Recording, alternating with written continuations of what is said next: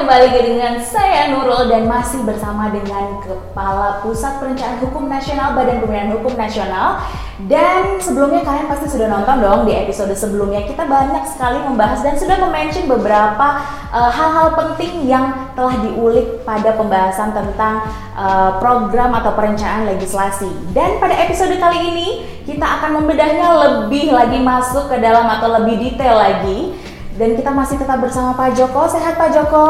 Alhamdulillah.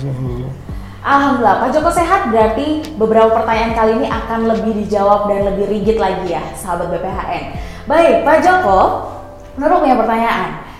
Uh, dari uh, dari episode sebelumnya Pak Joko banyak mention UU uh, nomor 12 tapi bagaimana dengan uh, adanya Perpres nomor 95 tahun 2018 tentang sistem pemerintahan berbasis elektronik, tata kelola pemerintahan yang diarahkan untuk memanfaatkan teknologi informasi upaya uh, sebagai upaya yang sudah dilakukan atau upaya apa yang sudah dilakukan oleh Pusren uh, dalam perencanaan legislasi dalam mendukung e-gov karena segmen uh, sahabat BPHN itu uh, sangat milenial nih Pak Joko. Jadi kita bagaimana nih mendukung e-golf dan bisa lebih dikenal masyarakat lagi uh, dari perencanaan legislasi. Silakan Pak Joko.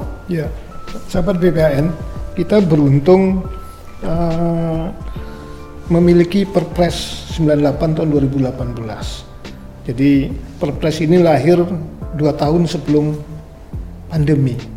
Seandainya uh, belum ada perpres ini tentunya kita tentu akan repot pada saat situasi pandemi seperti kemarin. Jadi mau tidak mau kan kehidupan harus tetap berjalan. Demikian juga pemerintahan pelayanan eh, pelayanan umum, pelayanan kepada masyarakat ini tetap berjalan. Walaupun uh, kita harus bekerja di rumah. Jadi dengan adanya Perpres 98 2019 tentang sistem pemerintahan berbasis elektronik ini dan juga tata kelola pemerintahan yang diarahkan untuk memanfaatkan teknologi informasi ini dalam situasi pandemi kemarin ini tentunya sangat uh, kita rasakan manfaatnya. Jadi mau tidak mau dalam situasi pandemi kita harus menggunakan teknologi informasi. Baik itu untuk lebih menyebarluaskan uh, informasi termasuk juga untuk mengatasi uh, kendala atau katakanlah uh, apa untuk menjaga memotong memutus tali rantai kemarin pandemi tentunya dengan uh, menggunakan teknologi informasi ini. Termasuk juga uh, di BPAN ini juga dalam proses pembentukan peraturan perundang-undangan baik itu dalam uh, pemantauannya kemudian juga dalam kinerjanya BPN eh, sudah meluncurkan aplikasi yang dinamakan dengan Sirenkum yaitu aplikasi perencanaan hukum yang terdiri dari tiga uh, katakanlah memiliki tiga fitur tiga ya? fitur ya? yaitu uh, senada itu terkait dengan uh, naskah akademik kemudian uh, serasi itu terkait dengan uh, proses legislasinya prolegnas maupun uh, proksurnya, kemudian selaras itu dengan proses penyelesaian naskah akademik.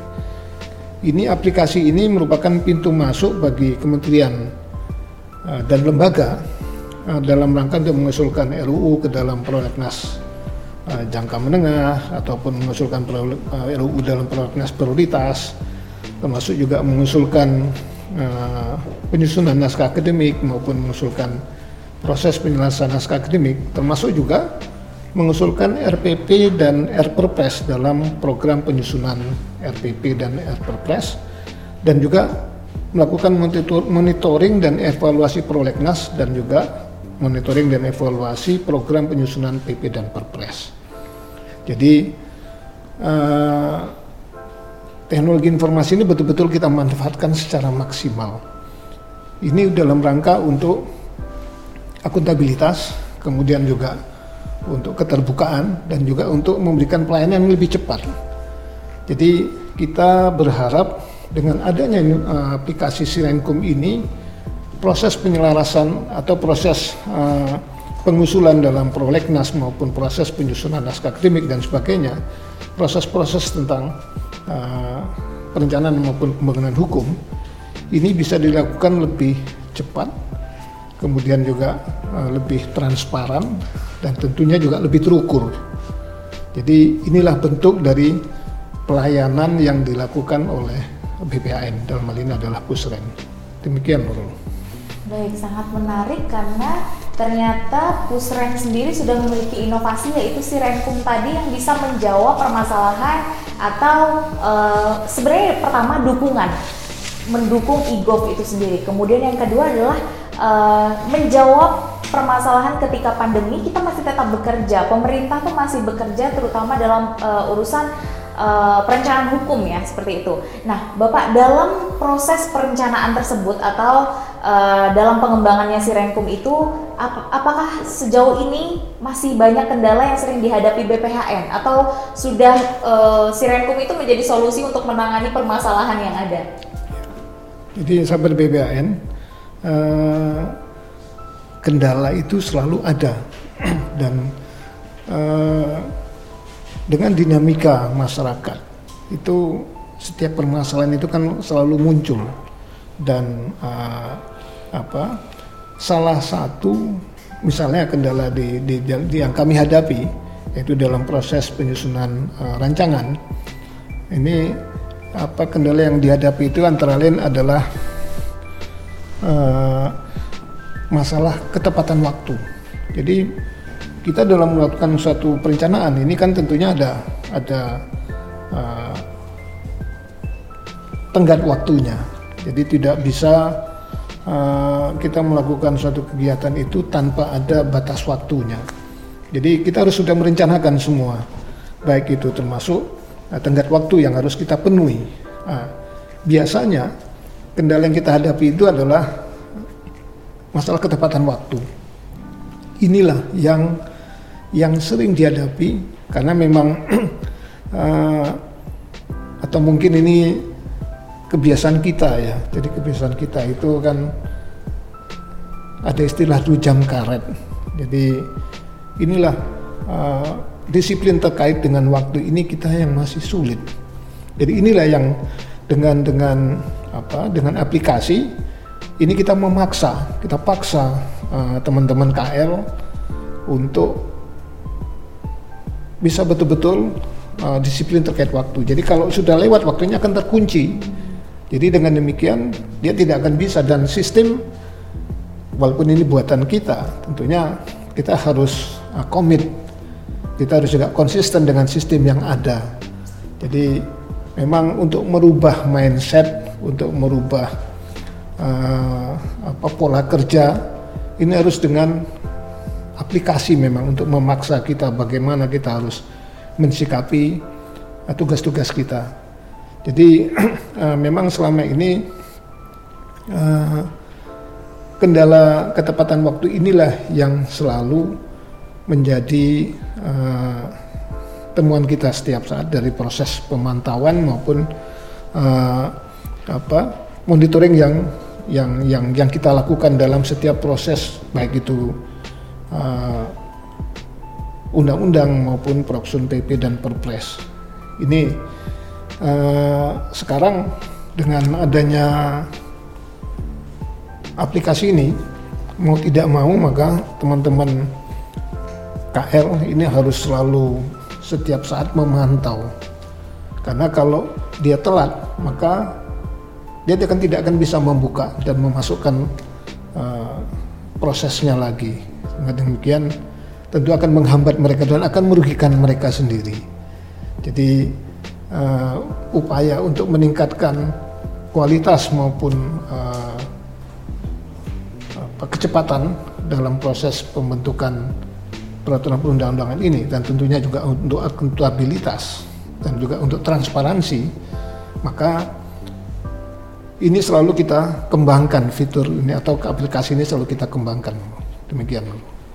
Menarik sahabat BPHN karena ternyata uh, si Renkum ini selain memudahkan juga langsung memberikan punishment kepada KL yang tidak tepat waktu bisa langsung di lock seperti itu, tidak bisa memproses ke tahapan selanjutnya. Dan saya yakin ini pasti salah satu pengembangnya atau yang memberikan masukan yang banyak adalah Pak Joko sendiri. Karena uh, bocoran kepada sahabat BPHN bahwa di, di salah satu tokoh atau role model dari saya terutama pribadi adalah Pak Joko sendiri orang yang sangat disiplin. Ini kameramen di belakang langsung setuju semuanya ya, karena Pak Joko adalah role model kami dalam uh, tingkat kedisiplinan. Untuk itu makanya beliau dipilih juga sebagai di tim ZI koordinator manajemen perubahan. Karena memang SDM di pemerintahan itu harus berubah, harus bekerja secara cepat, tepat, efisien. Untuk itu beliaulah yang dihadirkan untuk menjadi uh, salah satu agen perubahan atau role model kita terutama selaku ASN di pemerintahan. Pak Joko, oh saya udah mulai banyak nih ya kayaknya jualan tentang Pak Joko nih. Bapak, tadi Bapak sudah mention nih masalah monitoring dan evaluasi. Kalau untuk uh, proses monitoring evaluasi perencanaan pembentukan peraturan perundang-undangan yang berbasis elektronik ini dilakukannya seperti apa? Baik uh, sahabat BPAN, jadi sebetulnya Nurul ini terlalu berlebihan. jadi sebetulnya apa? Saya itu bekerja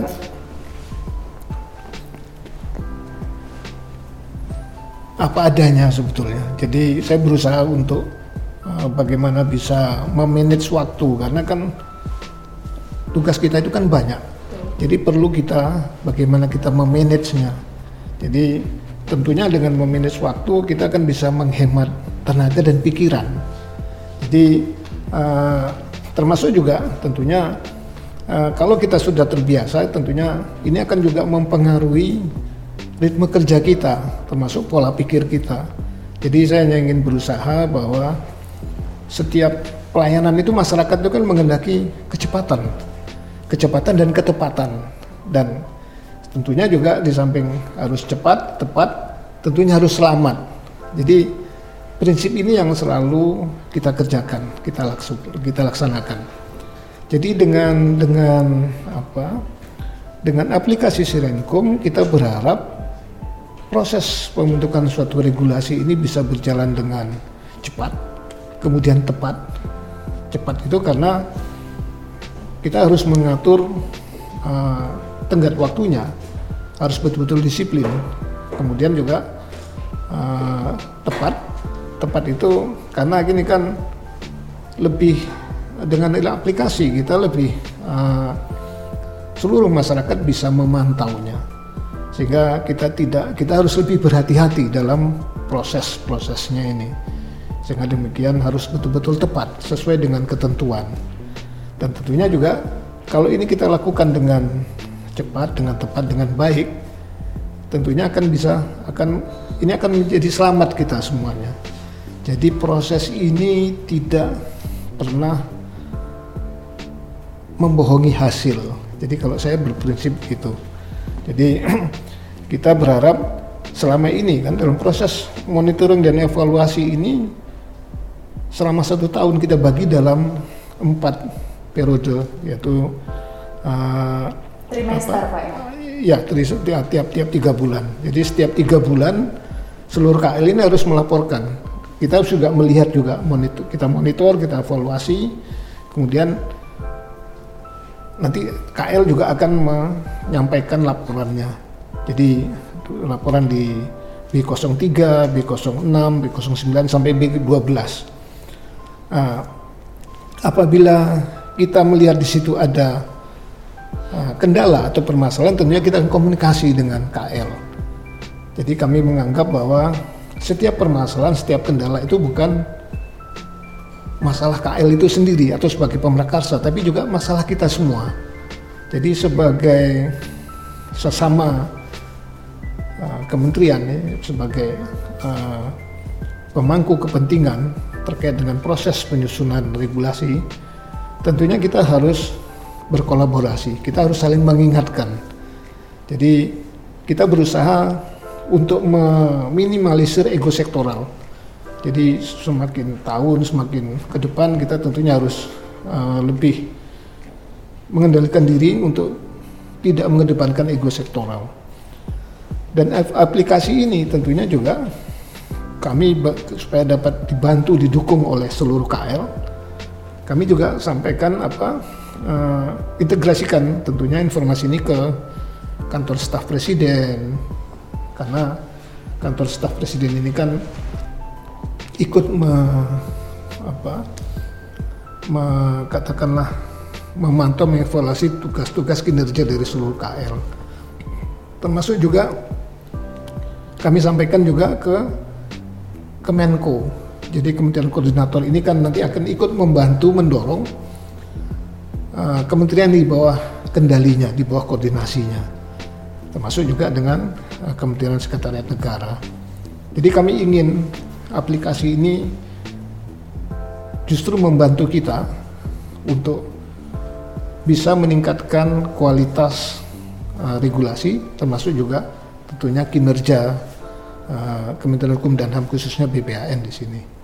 Demikian Nurul. Berarti uh, keterlibatan berbagai uh, kementerian lembaga ini juga mereka selain dilibatkan sebagai pemantau atau yang melakukan fungsi monitoring juga sebagai evaluator pak ya. Karena tadi ada yang uh, ikut sekretariat negara kemudian uh, koordinatornya sendiri pun juga ikut. Jadi ya. bisa langsung menjadi evaluator bagi kementerian atau lembaga yang Betul. ada di bawahnya.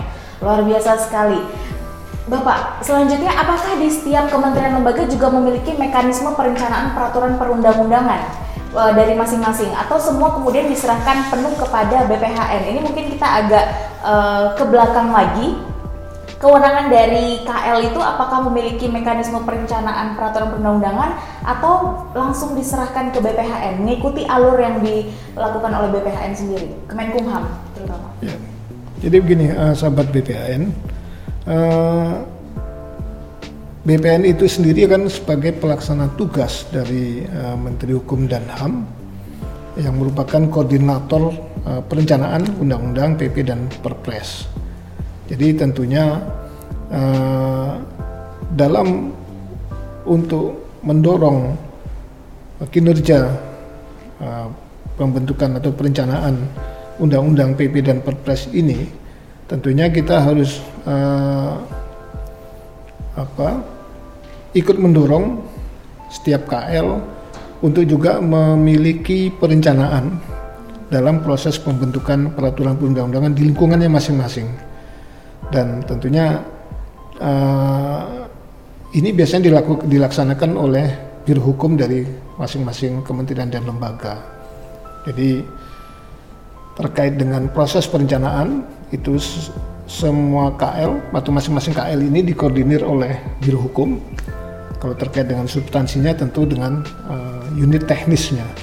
Tapi kami lebih uh, walaupun dari masing-masing KL tersebut koordinasinya adalah di biro hukum, tapi tentu kita tidak bisa lepas dengan uh, instansi teknisnya. Jadi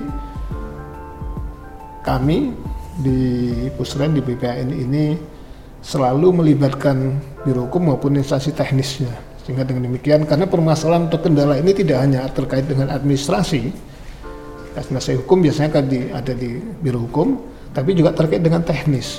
Nah, ini perlu tentu kita uh, harus kita apa uh, kita ketahui bersama di mana sih kendali apa kendalanya itu. Jadi kami selalu menyampaikan ke seluruh teman-teman KKL bahwa masih ada teman yang bisa diminta apa untuk berbagi seandainya ada kendala atau ada permasalahan terkait dengan proses perencanaan maupun penyusunan uh, suatu regulasi. Jadi dengan demikian uh, kita bisa saling mendorong, kita bisa saling uh, mengingatkan karena prinsip uh, di pusren itu masalah itu adalah masalah kita bersama. Jadi bukan apa masalah kementerian atau lembaga KL itu sendiri tidak. Jadi memang permasalahan ini harus uh, kita pecahkan bersama-sama. Jadi yang dinamakan sinergi itu kan saling menguatkan. Jadi tidak ada ego sektoral ataupun kita uh, acuh tak acuh dengan uh, permasalahan yang, di, di, yang dihadapi oleh teman-teman dari KL. Demikian Nurul.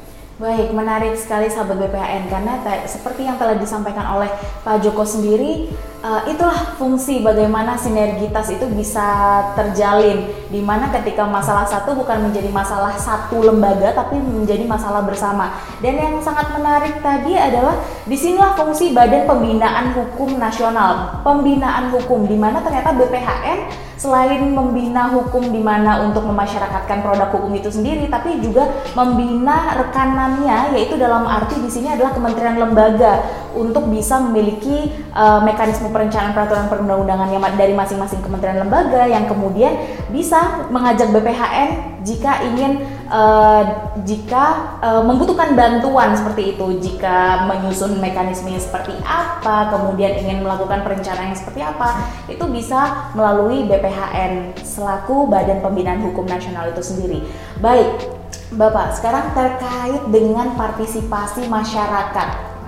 Bagaimana partisipasi masyarakat dalam perencanaan undang-undang atau PP atau bahkan Perpres? Ya.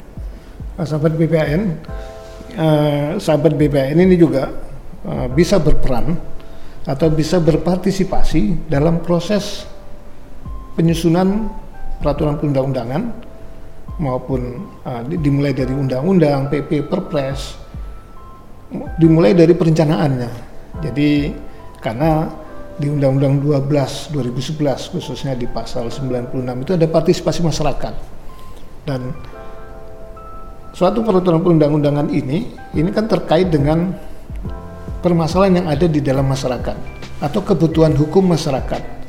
Tentunya uh, sebagai apa nanti yang akan men, me, yang akan merasakan dampaknya. akan merasakan dampaknya ini juga masyarakat. Jadi tentunya kita membuka kesempatan yang seluas-luasnya dan ini dijamin di undang-undang jadi partisipasi masyarakat ini, masyarakat ini sangat kita uh, butuhkan sekali. Apalagi kemudian sekarang kan juga ada undang-undang keterbukaan informasi publik.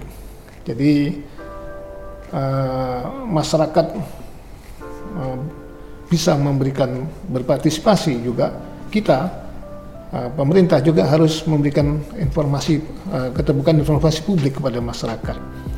Jadi proses ini bisa dilakukan dari mulai dari proses dari mulai perencanaannya sampai kemudian penyusunannya bahkan pembahasan di DPR. Kita tahu sendiri bahwa pembahasan di DPR itu sebetulnya sangat terbuka karena masyarakat bisa uh, berpartisipasi maupun ikut dalam proses pembahasan tersebut. Jadi uh, proses itu itu bisa masyarakat bisa memberikan masukan itu baik secara lisan ataupun tertulis. Dan ini bisa dilakukan misalnya dalam, eh, dalam kegiatan rapat dengan pendapat umum, bisa juga melalui kunjungan kerja, melalui sosialisasi dan atau juga seminar lokal karya, diskusi maupun FGD yang yang sering diadakan oleh uh, eh, KL Pemrakarsa ataupun bahkan dengan perguruan tinggi. Di samping itu ini juga eh, BPN sendiri juga memiliki website itu terkait dengan apa uh, yang bisa menjadi wadah bagi masyarakat ataupun siapa saja untuk memberikan masukan, usulan maupun uh, memberikan informasi permasalahan kebutuhan hukum masyarakat. Jadi uh, akses untuk berpartisipasi atau akses untuk memberikan uh, saran masukan ini sangat terbuka luas dan dengan beberapa uh, media atau aplikasi ini tentunya juga lebih memberikan kemudahan bagi masyarakat untuk bisa memberikan masukan kepada pemerintah. Demikian Nurul. Luar biasa sahabat BPHN sudah ditegaskan langsung oleh Kepala Pusat Perencanaan Hukum Nasional Badan Pembinaan Hukum Nasional bahwa masyarakat itu juga sangat ditunggu partisipasinya dalam memberikan masukan, kritik, saran terutama yang membangun dalam tahapan perencanaan perundang-undangan e, eh, PP ataupun juga Perpres. Dan kita memang sudah ada wadahnya bisa diakses melalui web bphn.go.id di sana nanti akan ada fitur yaitu partisipasiku. Dan kita sering kali juga melakukan e, apa ya publikasi atau uh, ada segmen eh, ada segmen di BPHN sendiri yaitu partisipasiku di mana isinya adalah selain untuk memberikan informasi, sosialisasi juga menarik uh, sahabat BPHN untuk bisa berpartisipasi dalam uh, peraturan perundang-undangan di, di Indonesia. Jadi keterbukaan informasi publik itu adalah hal yang sudah sangat transparan ya bisa diakses oleh sahabat BPHN di mana pun Anda berada di seluruh Indonesia. Demi pembangunan hukum yang lebih baik dan berkualitas tentunya kita juga mengharapkan adanya partisipasi dari masyarakat kepada pemerintah karena setiap peraturan atau produk hukum itu dampaknya juga pasti kepada masyarakat. Baik, ya, Pak Joko. Ada sedikit tambahan, uh, sahabat BPHN. Jadi di samping uh, kita butuhkan partisipasi masyarakat, tentunya uh, dalam proses pembentukan suatu peraturan perundang-undangan itu kan ada asas, ada asas sosiologis, asas uh, apa yuridis, kemudian juga uh, apa filosofis. Jadi dari sisi uh, sosiologis kalau masyarakat bisa menerima, kemudian termasuk juga uh, memberikan masukan sesuai dengan kebutuhannya ataupun sesuai dengan keinginannya. Tentu dari aspek sosiologis ini tentunya suatu peraturan perundang-undangan itu bisa diterima oleh masyarakat dan tentunya dampak uh, pada saat pelaksanaan undang-undang tersebut tentunya ini bisa diminimalisir. Jadi tentunya kalau uh, dari sisi masyarakat dia bisa menerima undang-undang tersebut karena memang sesuai dengan kebutuhan hukumnya, sesuai dengan apa uh, yang diinginkannya untuk mengatur ketertiban di dalam masyarakat itu sendiri tentunya ini akan suatu implementasi dari undang-undang ini akan bisa berjalan dengan lebih baik dan lancar demikian Nurul Baik, terima kasih Pak Joko atas kesempatan waktunya. Bapak, itu tadi closing statement atau ada lagi ajakan kepada masyarakat atau pesan untuk sahabat BPHN lainnya Pak? Baik, jadi sahabat BPHN, uh, eh, pemerintah ini kan hadir untuk memberikan pelayanan kepada masyarakat. Demikian juga dengan BPHN.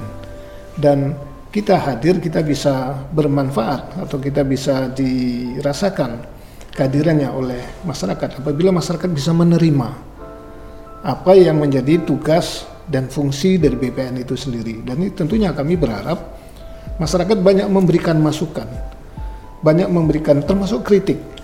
Jadi masukan, kritik dan saran itu merupakan vitamin atau feedback bagi kita untuk bisa uh, memberikan pelayanan yang jauh lebih baik. Tentunya uh, apalagi kemudian BPAN juga dalam proses untuk menuju BBBM yaitu wilayah bebas korupsi, bersih dan melayani. Jadi orientasi kita ke depan tentunya kita bekerja untuk masyarakat, untuk kepentingan masyarakat dan juga untuk kemanfaatan bagi masyarakat. Demikian Nurul. Baik, terima kasih sekali lagi Pak Joko atas kehadirannya pada kesempatan kali ini luar biasa karena bintang tamu kita ini atau teman ngobrol pada episode kali ini cukup menginspirasi dan banyak sekali memberikan ilmu kepada kita baik itu tadi, mulai dari uh, memperkenalkan TUSI dari Pusat Perencanaan Hukum Nasional kemudian kita sudah membahas terkait dengan prolegnas kemudian mekanisme bagaimana perencanaan peraturan perundang-undangan bahkan sampai kita pemerintah juga membuka wadah kepada masyarakat untuk dapat berpartisipasi dalam perencanaan undang-undang, peraturan pemerintah ataupun juga perpres.